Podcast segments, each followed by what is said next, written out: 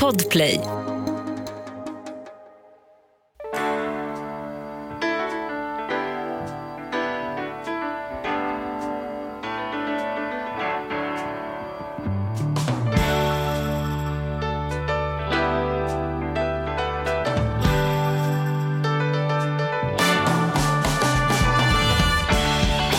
Hej och hjärtligt välkomna till Ekonomi på riktigt med Charlie och Mattias. Ja, så är det. Det har vi sagt många gånger nu. Ja, det har vi sagt många gånger. Ja. Jag eh, såg ett program, det var intressant, jag såg ett program med Mauri. Jag diggar ju honom. Mustige Mauri. Och då, Varför har vi inte haft honom här? Ja, ja det, precis. Det var Ja. precis det jag ville komma Ja, till. okej. Mm. Att, eh, eller ville komma till, men jag vill bara konstatera det här med att vi har sagt det många gånger. Och han, han gör ju så vansinnigt mycket roliga grejer, Mm. tycker jag.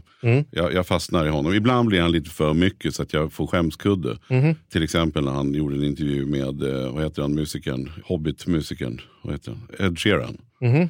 Eh, ja, men han har ju skrivit en låt. Nej, det var ju till, det var ju till Nej, din nej, serie. nej, nej, nej, nej, absolut. Du har Ja, helt rätt. ja, han har skrivit en låt. Men, eller, Ja. mm. Ja, Jag bara tänkte att han kanske har gjort lite mer. Ed Sheeran, alltså han kanske förtjänar... Ja, men, men då orkade jag inte titta för han, det var så här pinsamt när han gjorde så mycket om svenska saker och, Ja. och flaggor så att jag bara sa, nej men fan nu kommer men det- Ed Sheeran men det var ju- svenskar knäppa. Men i andra änden, generellt sett så går det igång.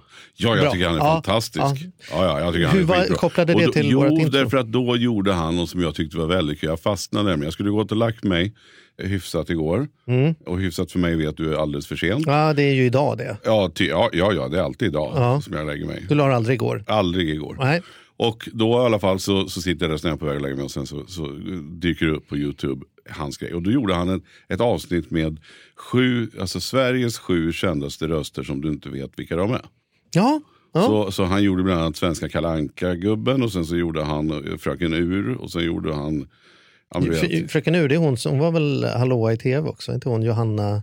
Jo, precis. Östman, heter hon det? kanske. Ja, och sen så Ja. gör hon ju Tunnelbaneavgång. tunnelbana. Så det så Mm. åkte en tunnelbana med henne, hade med sig en högtalare. Sen sa hon fel. Så här, Mörby centrum nästa. Och sen så var det ju inte det. Då var Mm. De liksom Kungsträdgården och folk var förvirrade och skrattade. Det var en jävligt rolig take. Liksom. Så, så det kan jag rekommendera för er som inte har tittat. Ja, ja. Mm. Det, det, det, var, det var kul. Eh, och sen också den här Let's Dance-rösten. På plats nummer sju. Jaha. Bla, bla, bla, bla. Man, man känner igen den superväl fast man vet inte hur människan ser ut. Nej. Och det där tycker jag är ballt. Så på tal om rösten, det har varit en jädra lång utläggning. Med Ja. på att, att, ja, vi har sagt det där många gånger. Men du, vi har också en lyssnare, vilket är superkul, som har hört av sig. En lyssnare. En lyssnare, vi har många lyssnare, Ja. vilket är, det är verkligen superkul. Ja, det är ju kul. Men vi har Mm. en som tycker det är roligt också när vi, när vi drar våra stories. Många tycker så här, fan gå till pudeln, tjäna direkt. Hittar vi på. Eh, Ja, många, Ja. många, Det är ingen som skickar det. Så artiga är de i Nej, men skulle du fråga en, en tv-producent eller en radioproducent. då Så ska jag säga att det här försnacket som pågår just nu, alldeles för All- långt. Alldeles för långt. Bort bara, säg bara hej och sen på direkt. Ja. Men vi skiter i det. Ah, ja. Vi har lite försnack. Och ibland så tycks de där uppskattas väldigt mycket. Och då hade vi tydligen suttit och surrat någon gång hur det gick till när jag träffade Malin Ja. respektive. Ja. Men där hade du då aldrig kommit till skott och berättat hur det gick till när du träffade Andrea. Nej. Och då tänker jag så här, med respekt för de som tycker att go to the fucking jävla Ja, ämne då nu. kan man spola fram men, två men minuter. ändå, ja, eller, eller en liten respekt för, för de som faktiskt bryr sig och undrar. Så, så nu, den, den lite korta versionen Charlie. Den korta versionen är faktiskt så här, för här finns det faktiskt en historia också. Det är att när vi ska gifta oss så går vi till prästen och vi ska gifta oss Ja, men gift er, hur gick det innan ni Ja men lyssna nu då. Ja, så ja, då, då går, till, går vi till prästen nere i Skåne som var i den församlingen. Känner inte honom alls, liksom, där vi ska gifta oss. Och då frågar han hur vi träffades. Antagligen ville han kolla om vi kände varandra. Han viger väl inte folk som de inte verkar känna varandra. I don't know. Så berättade jag hur det var. Jag berättade hur vi var på Barnens ö på en fest. Mitt i natten så började vi spela kubb. Hon hamnade i mitt lag. Det var bara hon och jag. Hon frös. Hon fick låna min jacka och det ena ledde till det andra. Ledde till så det tredje. gulligt. Ja, så berättade jag den historien. Och om man känner Andrea så kommer jag, det jag berättar nu är episkt att hon klarade. För hon satt tyst bredvid mig och log och hade lite så här glim i ögonen. Sådär. Och sen så var vi klara, vi hade valt vilka salmer och allt det där och datumet klart. Så går vi ut till bilen och sen så när vi ska sätta oss i bilen så tittar hon på mig och säger så här. Gud vad fint du berättade den där historien Charlie. Ja, tack sa jag. Det är bara en grej. Jag var i Schweiz det året du pratar om, så jag vet inte vem du spelar kubb med den där natten. Men det var inte jag i alla fall. och då visar det sig att när jag har träffat henne så trodde jag att det var den där tjejen som jag spelade kubb med den där natten. Så jag har ju klivit in med ett jävla självförtroende. Ah. Och det gillade hon, att här kommer en kille som kan ta för sig. Liksom, var inte som att jag tryckte upp den mot någon husvägg, inte så. Men det ändå så här, liksom, jag fortsatte, fast jag fortsatte på fel tjej. Och det är Eh, fantastiskt. Ja, och än idag vet jag inte vem jag spelade kubb med på Barnens Ö den här natten. Så om det är någon som känner igen sig här som lyssnare så Ja. kan ni gärna höra av er så vet vi. Jag lovar att det- jag kommer inte ställa några följdkrav. Alltså, det är ju verkligen vatten under broarna. Men eh, ja, det är ett mysterium i mitt liv. Vem var egentligen den som jag trodde var Andrea? Här kanske man kan forska runt. Nu äntligen kommer vi mot gästen. Va? Är det dit du är på väg? Det är ungefär dit jag är på väg. Därför att den som har forskat jävligt mycket, det är ju, får vi säga, får vi säga professor Tommy. Man får säga professor Tommy, det går utmärkt. Ja, Ja. Och, gör vi det. och vi har förstått av flera gäster så här, att vi har för lite algebra i samhället idag. eh, tror jag Patrik också den som sa Färre, då. fler algoritmer. Ja, fler, algoritmer Ja. och mer algebra till folket. Ja. Mm. Så vi liksom går ifrån. Så att, eh, Men eh, också heavy metal-professorn skulle jag också kunna vilja säga. Ja, du, alltså så här, jag är bara glad att jag får vara med. Du får kalla mig för vad du vill, vad du känner dig bekväm med. Men du, innan vi kom för långt in i detta, det fattas en applåd. Och den kommer här!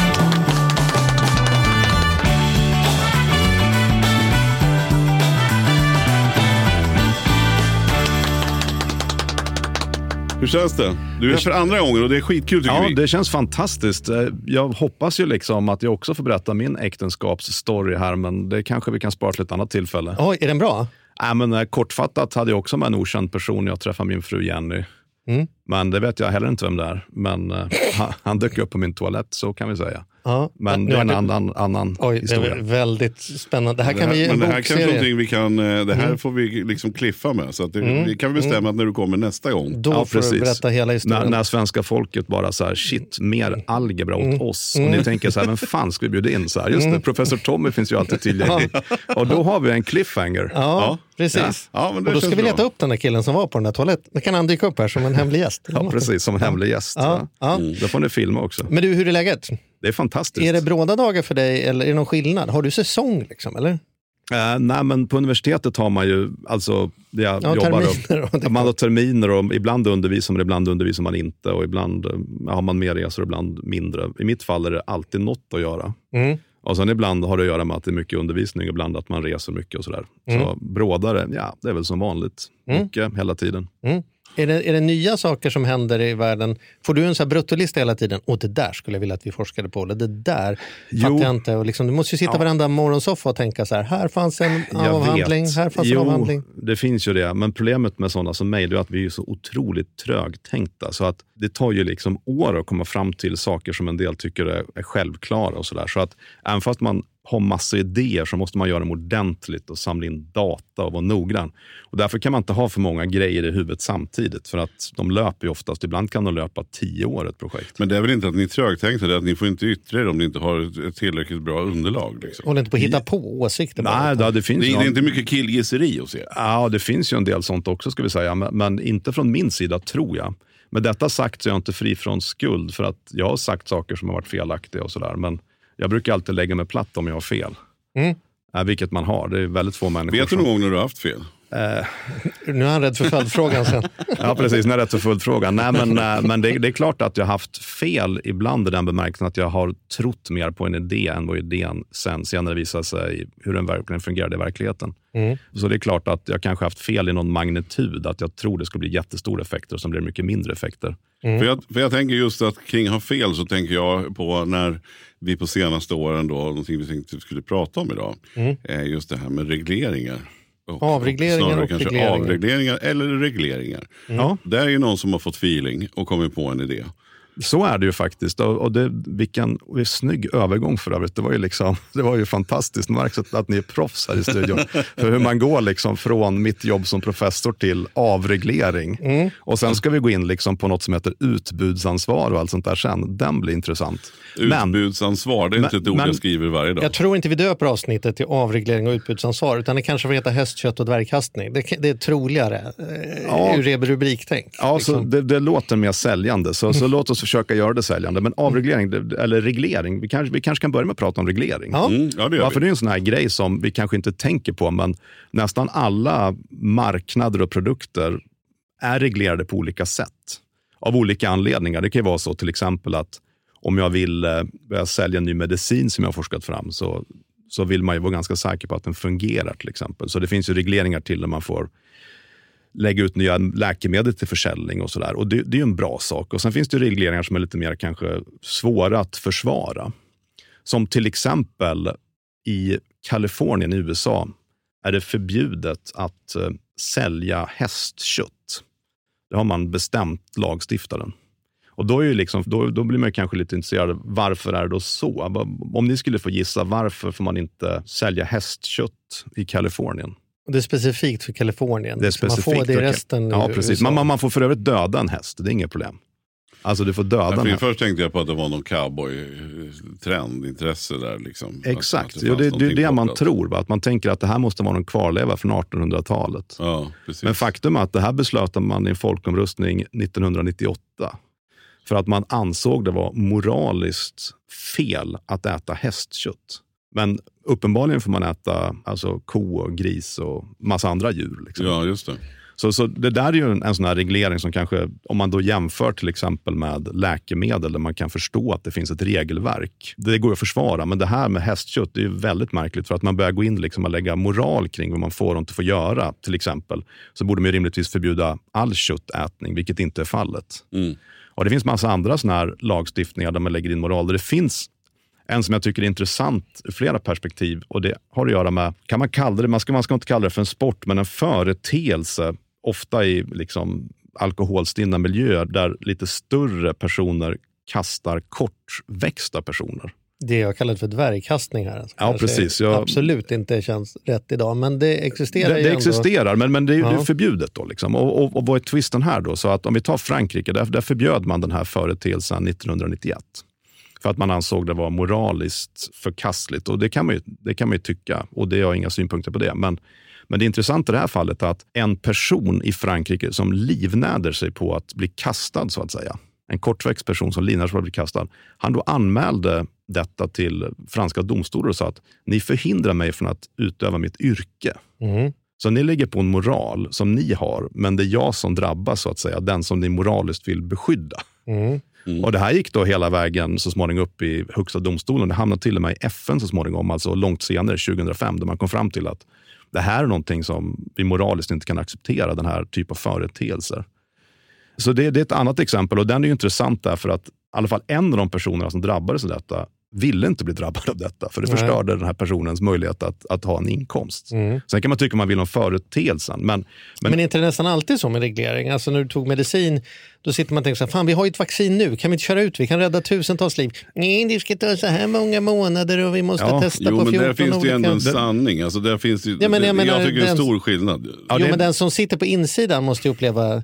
Ja, jag pratar men- mycket med bankfolk som upplever att regleringarna är helt orimliga och Ja, skolregleringar och liksom, nu kanske Exakt. inte så många kortväxta personer som, som bråkar om detta, Nej. Men, liksom, Nej, det- bevisligen. Men det- jag tror alla upplever sig drabbade av regleringar. Ja, i någon bemärkelse så kanske man gör det. Och, och, och ibland tycker man att det är bra. Man kan ju också olika kanske religiösa uppfattningar, moraliska uppfattningar, vad, vad som är rätt och fel, vad man får göra och inte göra. Ska man få köpa cannabis till exempel? Är det statens ansvar att förhindra mig från att använda den här drogen i, i något slags syfte att, att må bättre till exempel? Så det, alla regleringar är ju mer eller mindre känsliga och det är också därför många stater de senaste 30 åren har gått mot ökade avregleringar. För man menar på att ja, det kanske är personligt ansvar som ska få bestämma eller en del saker bör inte regleras. Så I Sverige hade vi en sån här våg i början på 1990-talet då man avreglerade massa marknader. Du nämnde kapitalmarknaden, den avreglerades i mitten på 80-talet om jag kommer ihåg rätt.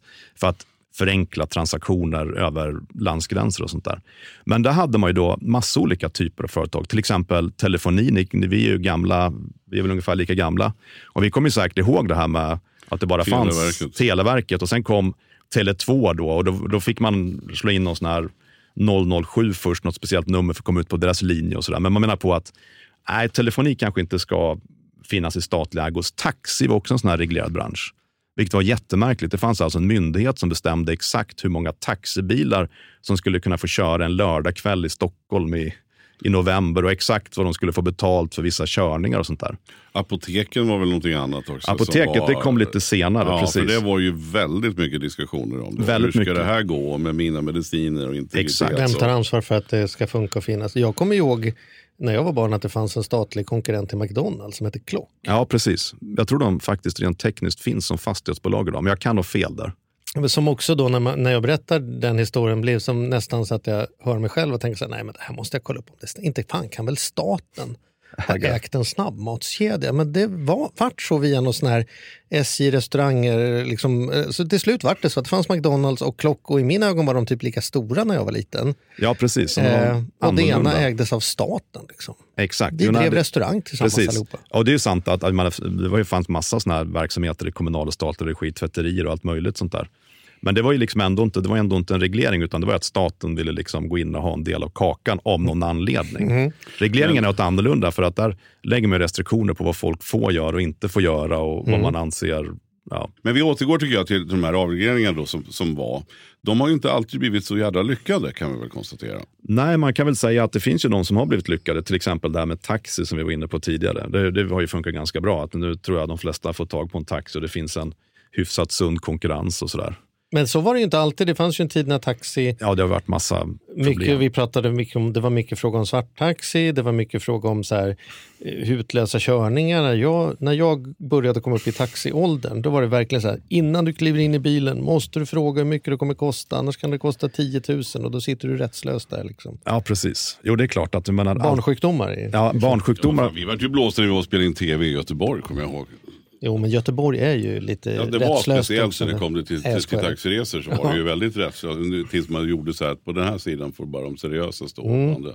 Det, gjorde man, det gjorde man ju reglering eh, helt enkelt. För att, Ja.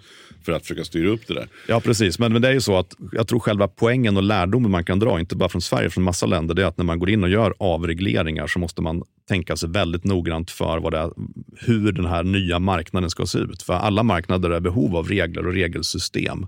Så att man kan inte bara säga från en dag till en annan att nu bestämmer staten lite grann över taxin och nu är det helt eh, liksom, fria boliner för vem som helst att etablera en taxiverksamhet under vilka förhållanden som helst. Att då kommer det bli lite vilda västern ett tag.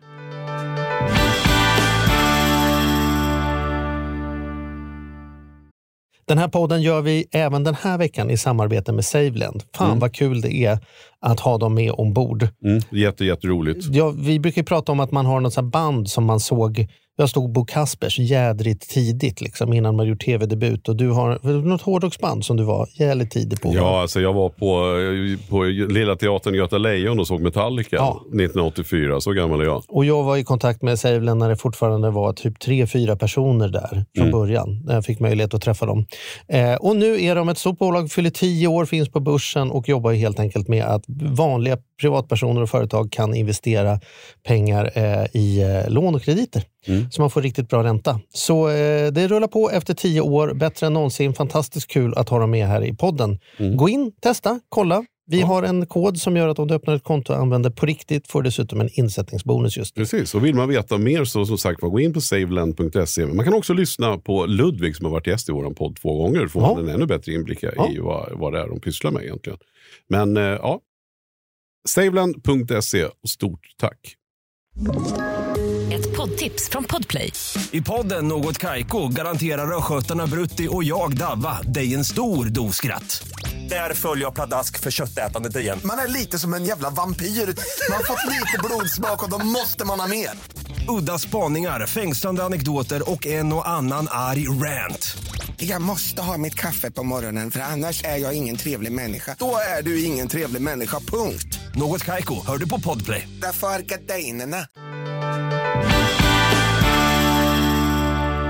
Jag känner ju, jag tror vi alla människor känner den här gången när vi har tagit ett beslut.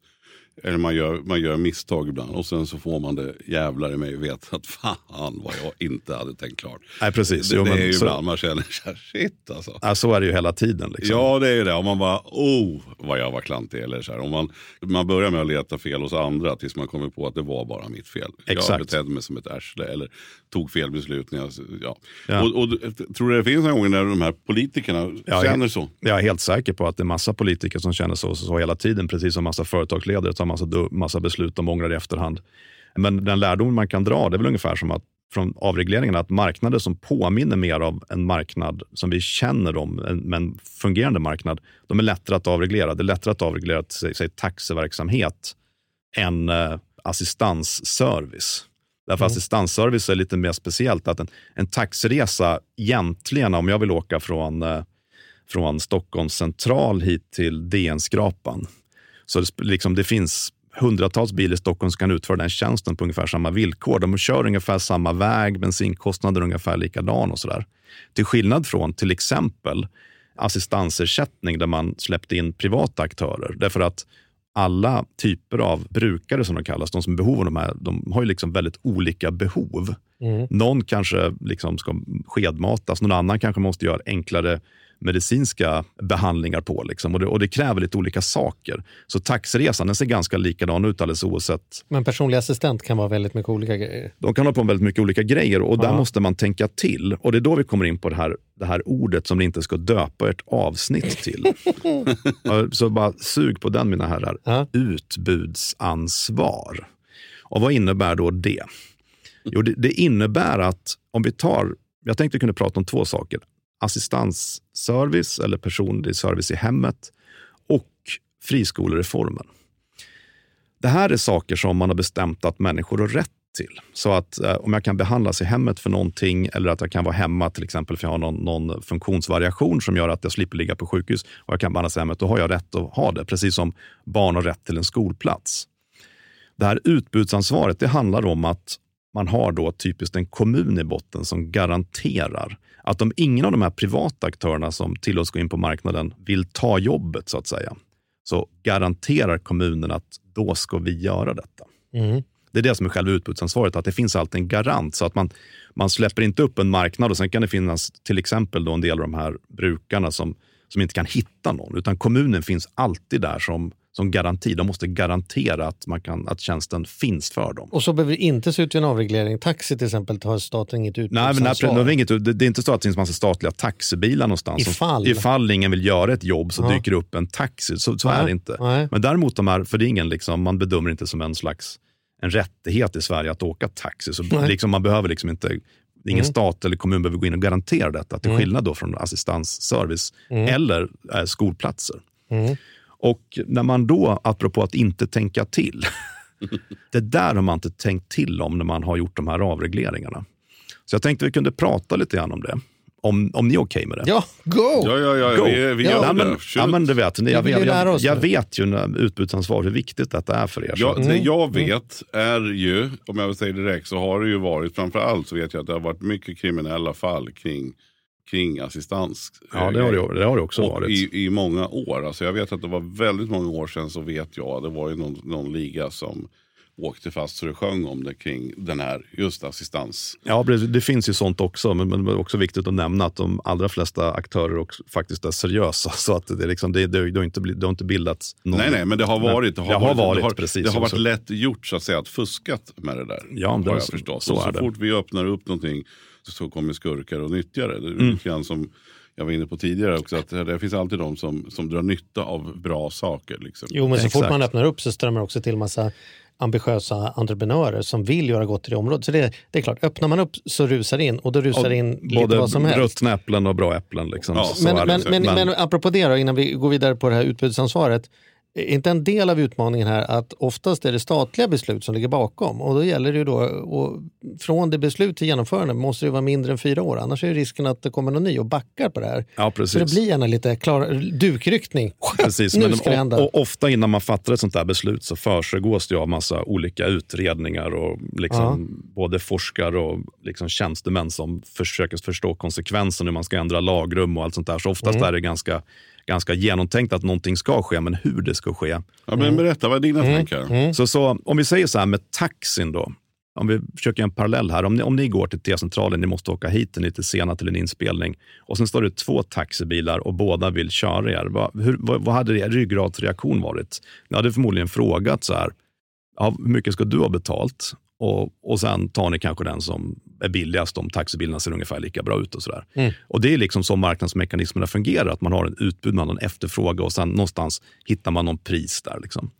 Det man gjorde då i assistansservicen det var att man sa så här att det vi inte vill att vi vill inte ha en priskonkurrens på det här området. För att det, det riskerar då det är att människor kommer att erbjuda tjänsten billigare och billigare, vilket går ut över kvaliteten på den här vården som människor ska få i hemmet. Det låter ju som någon tänkte till ändå. Det Ja, så- kommer ju från gott. Precis, ändå. de tänkte Ja. till och det här, är, det här är det bra första steget. Då, så att, därför bestämde man då att varje år sätter man ett pris. Så att så här mycket får man betalt per timme för man hjälper personer, som är de här brukarna som är i behov av de här tjänsterna. Mm. Och, och då är det priset satt och det går inte att förhandla utan det är det här man, den här ersättningen man får. Och det är samma med friskolan. Ja, precis. Vi, kom, Mm. vi kommer Mm. dit. Ja, Där är det lite ja. mer komplicerat. Men, Ja, men, okej. men okej, så, så tanken här låter jättebra. att Det här är vad ni får. Mm. Och så ni ska inte hålla på och kompromissa med liksom att konkurrera ner priserna så det blir dålig kvalitet, utan vi kan fokusera på kvaliteten och det låter ju som en bra idé. Men det är här då det här utbudsansvaret kommer in. Eftersom olika brukare eller patienter har olika behov av vård så kan det ju vara så här då att någon som bara behöver lättare hjälp, till exempel med, med matning och, och tvättning och sånt där.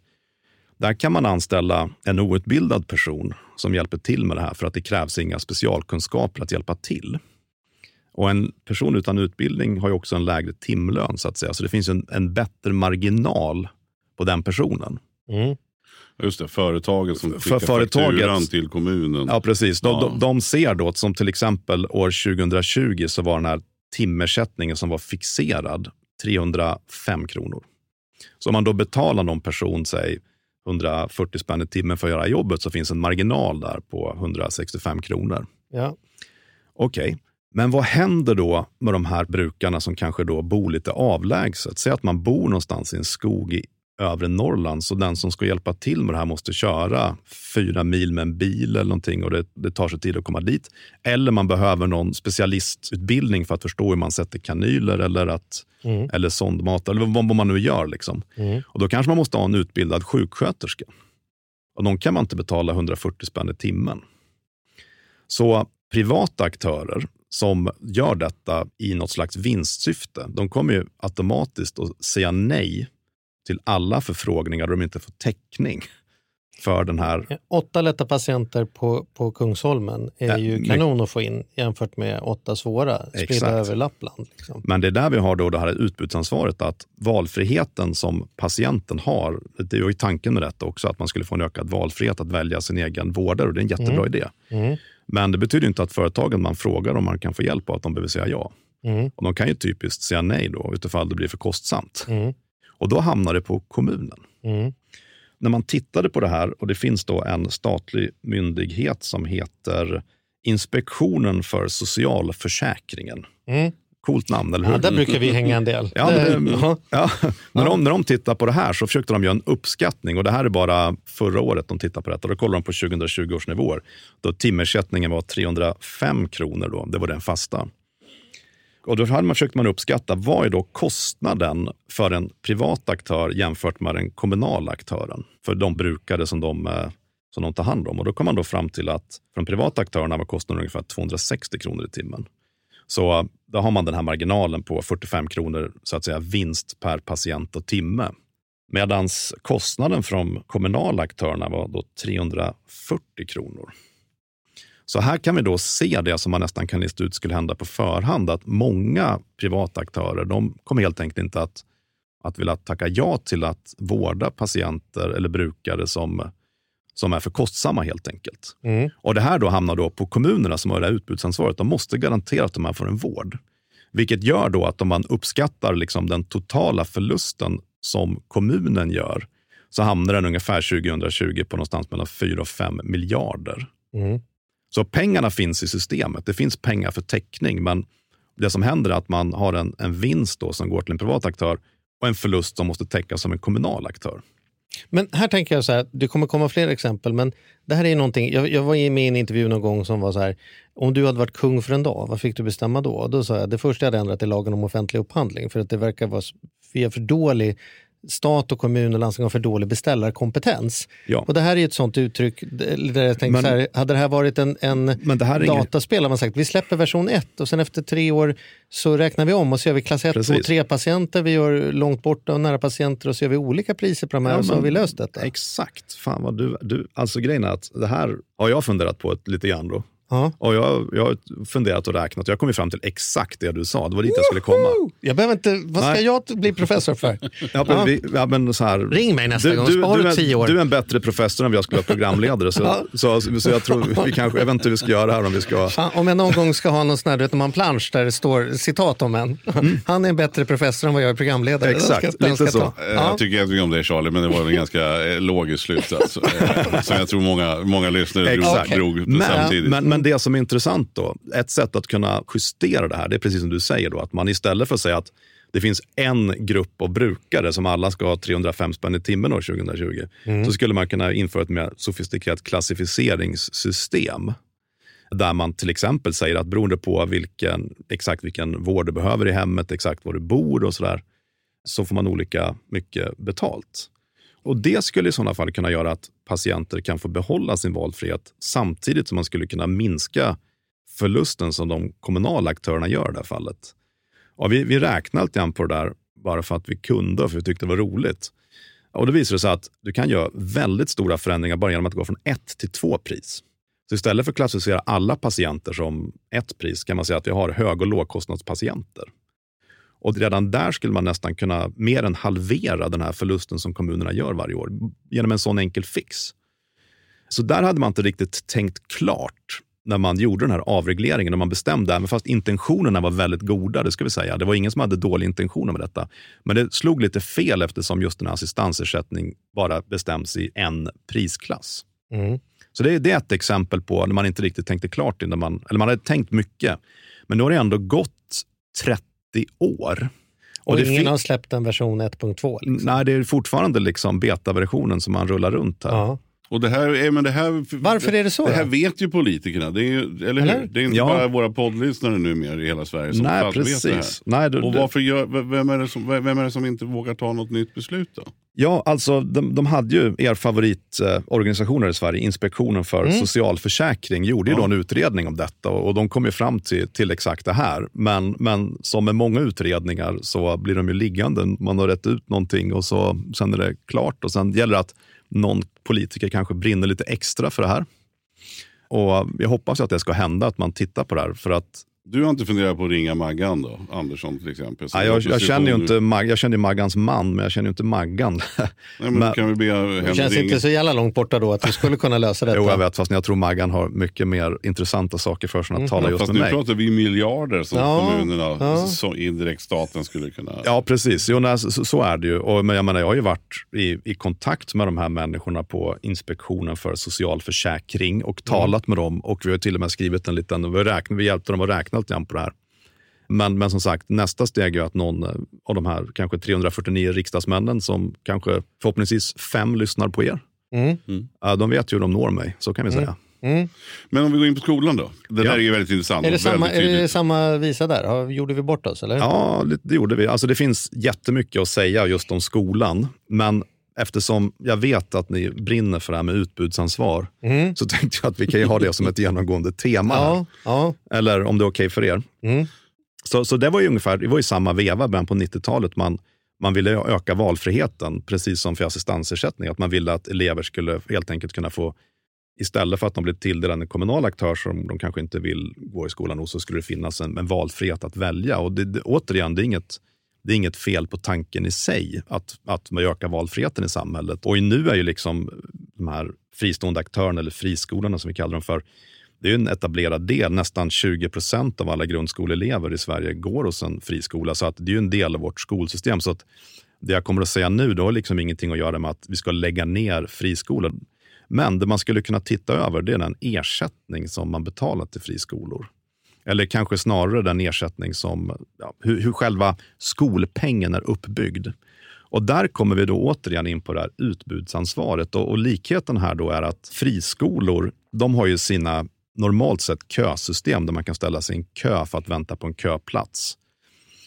Men kommunen har fortfarande utbudsansvaret. Så att om elever som eh, flyttar in till kommunen under läsåret, elever som vill byta sig från en fristående skola till en kommunal skola, vi har nyanlända personer som kommer till Sverige som måste ha en skolplats. Till exempel såg vi en, ett inflöde under början av Ukraina-krisen med barn från Ukraina. Det är kommunen som har ansvar för att de här personerna får en, en skolplats helt enkelt. Det är det utbudsansvaret. Men hur ersättningen, och det, det, finns egentligen två delar av den, men jag ska tala om det som kallas för grundersättningen. Och där är det så att ersättningen ska vara exakt lika till en friskola som en kommun och det är kommunen som betalar den här ersättningen. Det vi kallar för skolpeng. Så att om en elev kostar 10 000 kronor för en kommunal skola, då ska den friskolan ha motsvarande belopp. Och Det här mm. beloppet bestäms av genomsnittskostnaden för den kommunala skolan. Mm. Så att väldigt enkelt, om, om, om jag har 10 elever på min skola och det, de kostar en miljon per år, så är min kostnad per elev 100 000 kronor. Om det då finns en friskola i min kommun så måste kommunen ersätta dem med motsvarande 100 000 kronor per elev. Mm. Och Det verkar någonstans liksom rimligt att alla skolor har samma förutsättning att få samma peng. Om det inte vore för det här utbudsansvaret. Så jag vet inte hur bra räkning, ni efterlyste ju algebra. Mm. Jag vet inte hur bra räkning gör sig i er podd här, men ska vi försöka oss på ett litet exempel? Shoot! Så jävla samstämmigt. Fan. Det är sådana kingar där. Jag lutar liksom. mig framåt här nu. nu ja. ja. Så om vi, om vi fortsätter med vårt exempel. Så vi har de här tio eleverna som totalt kostar en miljon kronor för skolan, 100 000 kronor var. Det etableras en friskola som vill ha plats för två elever. Så två av de tio eleverna som gick i den kommunala skolan går till friskolan. Mm. Okej. Okay. Det som händer då i den kommunala skolan är att de har fortfarande samma utgift för sina gympasalar. De har fortfarande två klasser på den här skolan, säg, så de kan inte avskeda någon lärare. Så att det försvinner två elever från den här, de här kommunala skolorna. Det påverkar egentligen inte kostnaden på den kommunala skolan, förutom kanske någon skolmåltid, någonting på, på marginalen. Mm. Så det som händer då är att man tidigare hade tio elever som kostar en miljon, men nu har man åtta elever som kostar en miljon. Då kostar de alltså 125 000 kronor styck mm. I genomsnitt. Mm. Då är det de pengarna som ska kanaliseras till friskolan. Okej, okay, så då får de... Då får de mer. Så, så mer då får de ju 25 de kan använda i vinst där. Exakt. Som så, rimligtvis inte borde kosta dem. Som inte, precis, för de gick in på den här, i den här kommunen att etablera sin friskola under förutsättning att de visste att en elev här kostar 100 000 kronor. Mm. Så varje elev årligen som pluppar över till friskolan, desto mer deg tjänar friskolan? Exakt. Men nu är det ju inte två elever, det är ju 20 procent, så det måste ju vara hela klasser. Ja.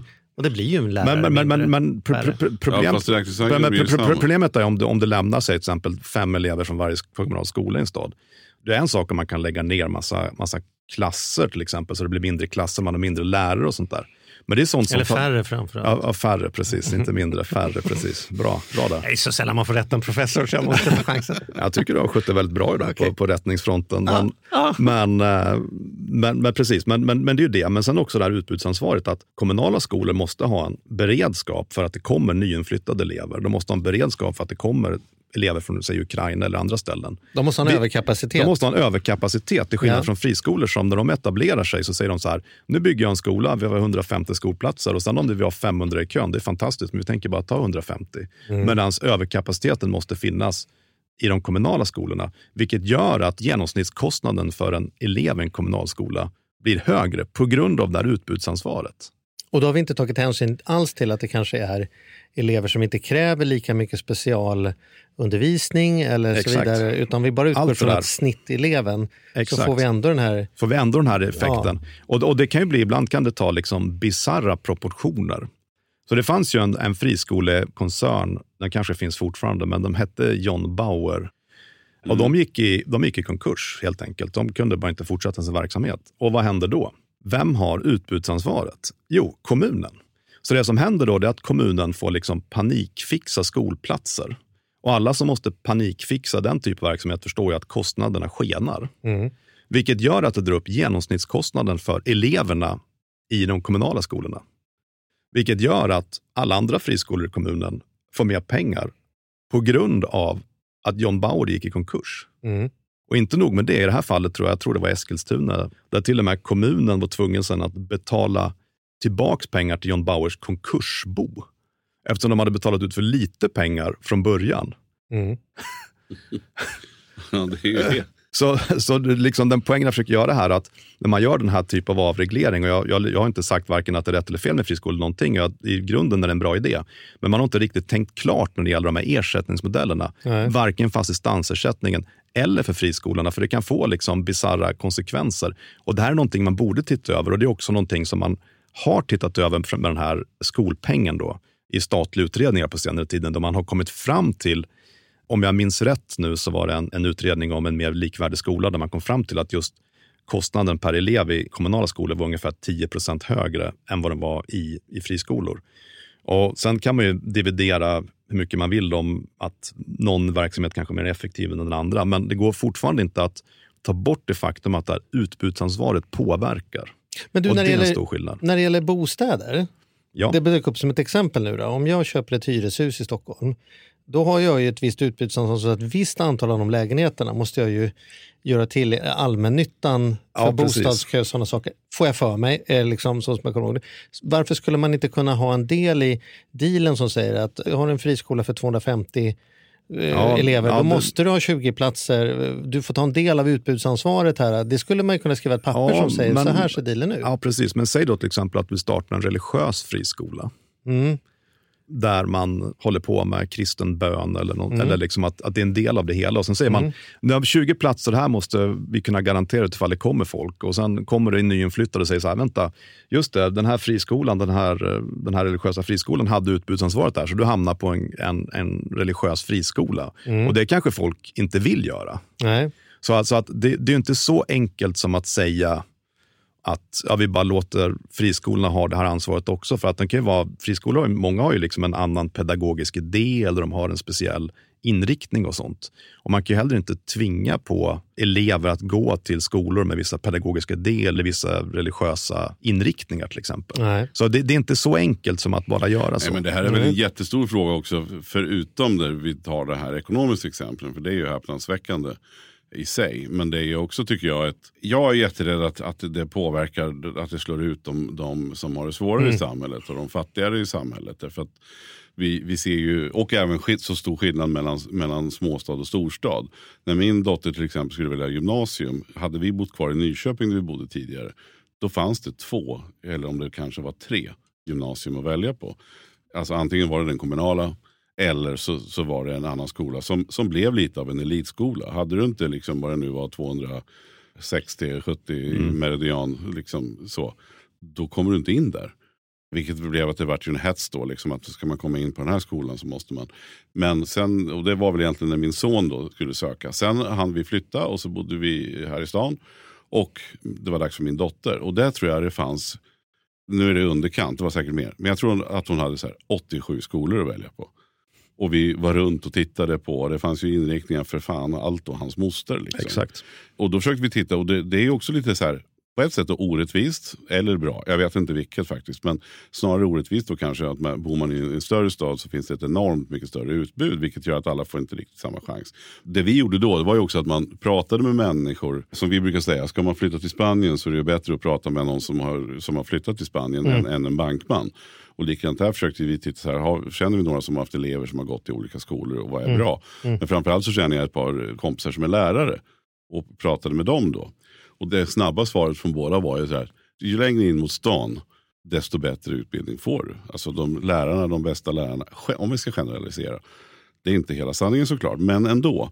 Medan då tänker jag de som redan har det svårare, som bor ute i, i förorterna, inte har riktigt samma val. Så att det är också en, en nackdel. Och där är jag, jag är, jag är, för det mesta gillar jag liksom det kommersiella och marknadsekonomier och sånt där. Men i det här fallet så är jag, är jag fortfarande osäker. Liksom. Men det, det är en annan fråga i och för sig. Men jag Men, tycker ändå det är men, intressant men, men liksom, det, det är också viktigt att komma ihåg här att nu pratar vi mycket om hur de här fristående aktörerna på olika marknader, de, allt de vill är att tjäna pengar och, och, och det är inte alla som har det, det målet och sådär. Men, eh, men, men jag håller med dig och framförallt finns det ju massa andra saker man kan göra i lagstiftningen. Till exempel hur man antar elever. Om vi tar antagning till grundskolan så finns det ju liksom inbyggda segregationsmekanismer i den eftersom man har en så kallad närhetsprincip. som gör att om man kommer långt utifrån, om man bor i ett, säg ett utanförskapsområde som typiskt inte ligger centralt, så det är nästan helt omöjligt att bli, att bli antagen på en skola centralt i en stad. Så det finns ju liksom inbyggda mekanismer där man skulle kunna se över för att öka det här. Och där kan man ju säga att friskolor som har kötid som urvalsgrund, det skulle kunna vara ett argument för att det kanske inte är så dåligt ändå. Att om föräldrarna bara vet att de ska ställa sig i kö tillräckligt tidigt så kan man få en chans. Till skillnad från till exempel antagna vid kommunala skolor som man har den här närhetsprincipen som nästan helt utesluter flytt in till innerstan till exempel. Från de som kommer från eh, utanför. Nej men, nej men precis, och sen kan jag tycka att jag, jag gillar ju också jättemycket att det finns olika inriktningar på skolor. Men det gör man ju även här i, i Stockholms stad till exempel. Så är man ju otroligt eh, vad ska jag säga, bra då. Eller man säger. Det är klart det finns så mycket elever så det finns ju kanske möjligheten då. Men där man har olika inriktningar fast det fortfarande är Stockholms stad som, som är skolan. Exakt. Man hittar liksom verkligen så tydliga skillnader. Vilket vart en sån skola som min dotter till slut valde sen. Då, då.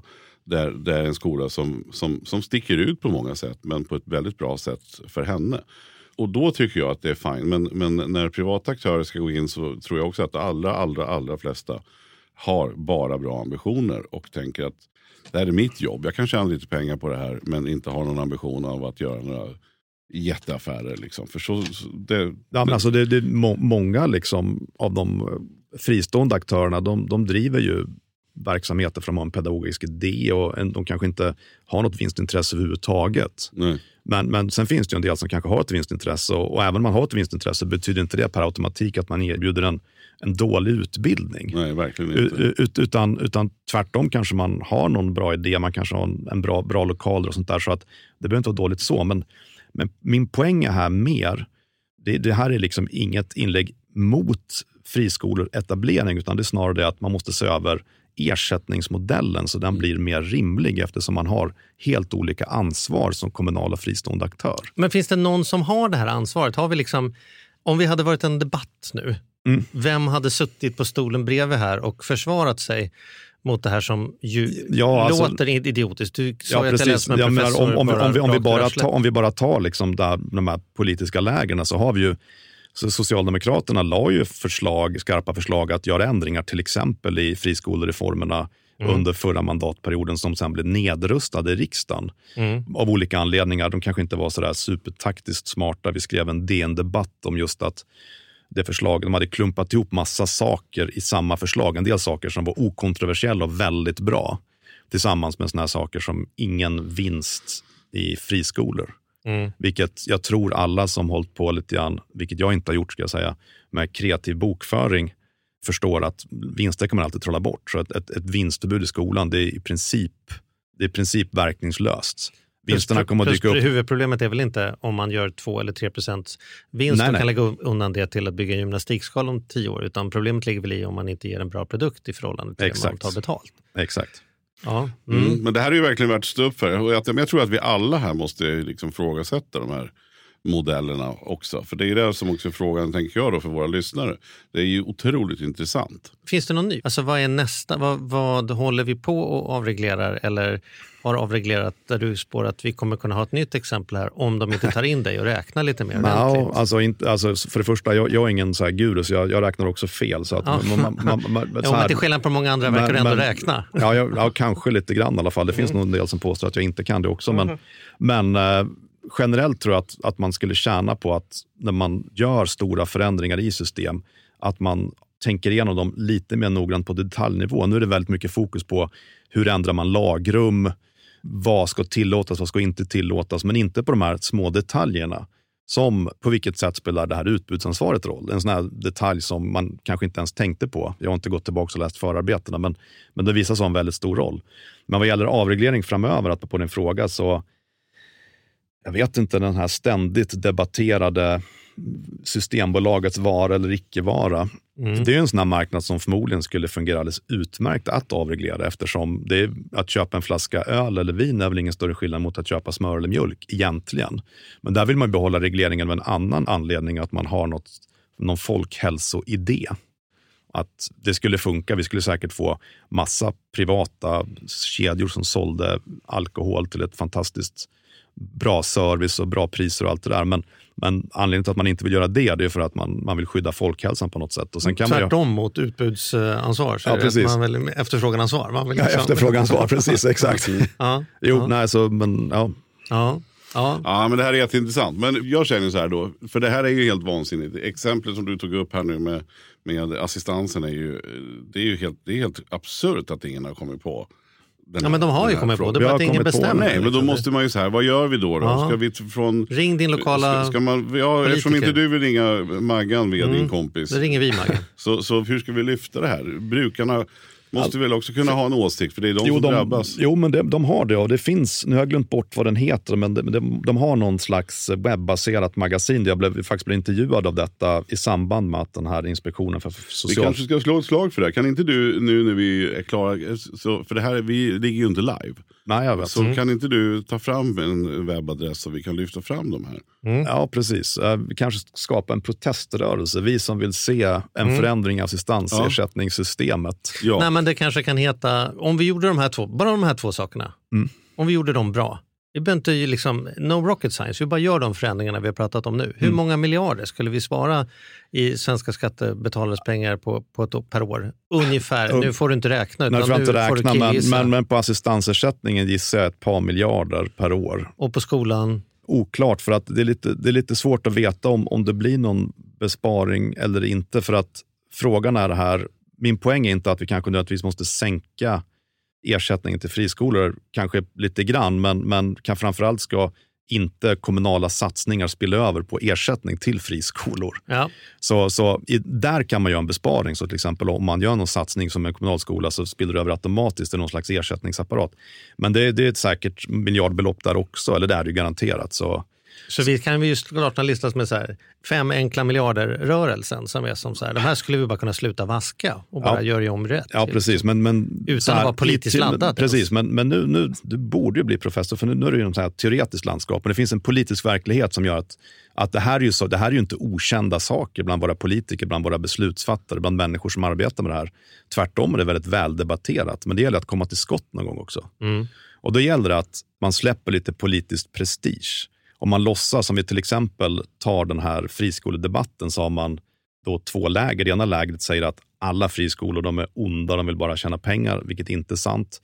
Den andra sidan säger så här, men ni vill förbjuda friskolor och inkränka på folks valfrihet, vilket heller inte är sant. Utan att man vi får lite mer vuxna politiker som sätter sig ner tillsammans och säger, men ärligt talat, vi, vi får fixa det här tillsammans. Så vad du säger Ja, är att det är för- kört? Ja, alltså, alltså om vi säger så här. Vuxna politiker. Men, men vi, ja, det finns ju en del saker som, nu har vi inte pratat om det idag till exempel, men det här med hur man sköter antagning till skolor för till exempel att bryta segregationsmönster och sånt där. Mm. Har vi ganska bra idéer på hur vi kan göra redan idag. Det är någonting som jag har diskuterat med politiker, tjänstemän, hela vägen upp på ministernivå faktiskt, ner till den personen som sitter med lokala skolval i svenska kommuner.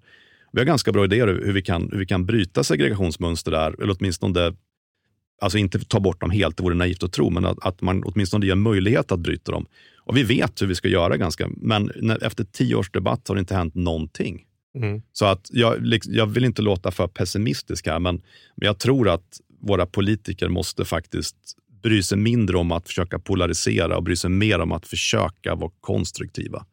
Det Ja, tycker det- jag faktiskt Ja, att vi och, väljare... Och här är vi ju så här, det är Det kan vi inte... kräva tycker jag. Ja, Mm. och det är ju inte friskola eller inte, eller assistans. Nej, nej, nej, Grundidéerna är ju bra, det är vi väl alla överens om. Men låt oss hitta ett sätt som gör att det här blir billigare. Men det är det som blir så svårt. Om jag ska stå imorgon och säga friskolor är skit och här har de där idioterna gjort bort sig. Så är det svårt om jag liksom dagen innan satt och sa och här är ett förslag hur vi kan göra det åtminstone lite bättre tillsammans. För det är som att jag är satt med den båten när jag försöker skjuta. Ja, precis. Sant. Jag Så det är väl tror det som är att- problemet, Jag, jag tror ändå att antingen- det är så. Jag tror, jag, ja, Det måste vara lite mer pragmatiskt att vara så här, nu gör Fast, vi fast, det fast bättre i det alla finns ju exempel i närtid på när man har ändrat sig väldigt snabbt sin åsikt. Ta till exempel det här med NATO. Mm.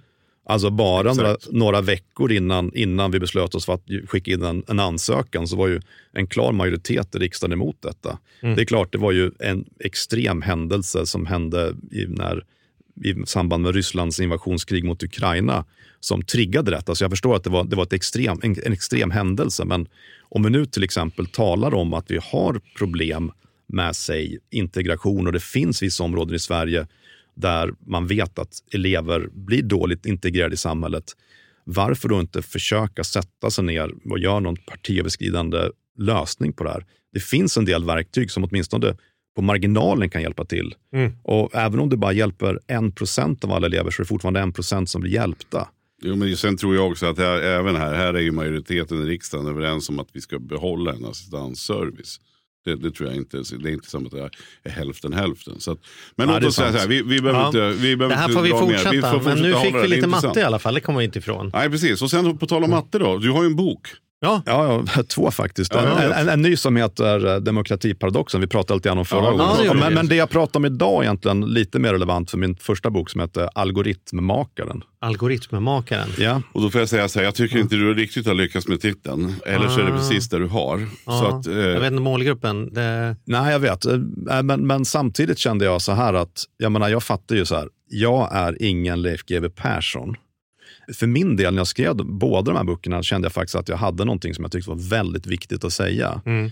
Och istället för att försöka göra en ambition av att det här ska vara någonting så här tuggummi-litteratur som vem som helst kan läsa. Vem som helst kan läsa det, men kanske lite mer krävande än en vanlig bok. Men jag kände att jag måste för en gång, istället för att skriva någon debattartikel på DN där man får använda 6000 tecken eller vad det är för någonting, så kände jag att jag måste skriva ner allting från start till mål, vad jag verkligen tycker. Mm. Så sen för all framtid när folk säger så varför sa du ingenting? Alltså, jag har skrivit en hel bok om det här, Mm. eller två böcker faktiskt. Mm. Och, och då har jag det liksom Ja, men, ja, satt men, och ner jag det. vet ju att det är två förbaskat bra böcker. Och därför så säger jag det. Därför att det är ungefär som många sa till oss. Vi ska starta en podd om ekonomi.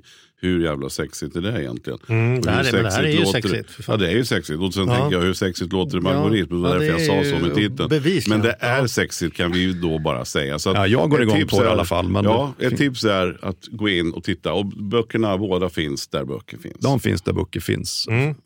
Toppen. Du, här kommer vi få chans att återkomma. Vi måste inte vänta på nästa bok innan vi får ställa fler frågor. Va? Eller? Nej, nej, nej, nej, nej. Jag, Nej. är, jag är väldigt enkel. Ja, nästa gång. Får, och då kanske det blir lite mer hårdrock nästa gång och framförallt den här historien om den mystiska mannen på toaletten. Men det, men det tar vi nästa det gång. tar vi nästa gång. Tack så hemskt mycket för att du kom hit och att du med en dåres envishet fortsätter att räkna på de här idiotierna. Det, vi bara ska se till att vi får politikerna och lyssnarna också. Ja, och tack snälla för att jag fick komma. Det var som vanligt fantastiskt att tala om de här sakerna och eh, utbudsansvaret. Och framförallt att träffa er igen. Ah, Ja, ja, bara en sån sak en känner sån vi grej. också. ja.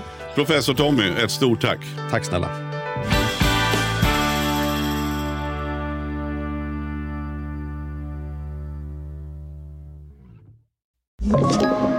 Podplay.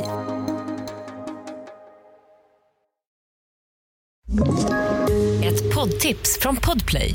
I fallen jag aldrig glömmer djupdyker Hasse Aro i arbetet bakom några av Sveriges mest uppseendeväckande brottsutredningar. Går vi in med hemlig telefonavlyssning och, och då upplever vi att vi får en total förändring av hans beteende. Vad är det som händer nu? Vem är det som läcker? Och så säger han att jag är kriminell, jag har varit kriminell i hela mitt liv men att mörda ett barn, där går min gräns. Nya säsongen av Fallen jag aldrig glömmer på Podplay.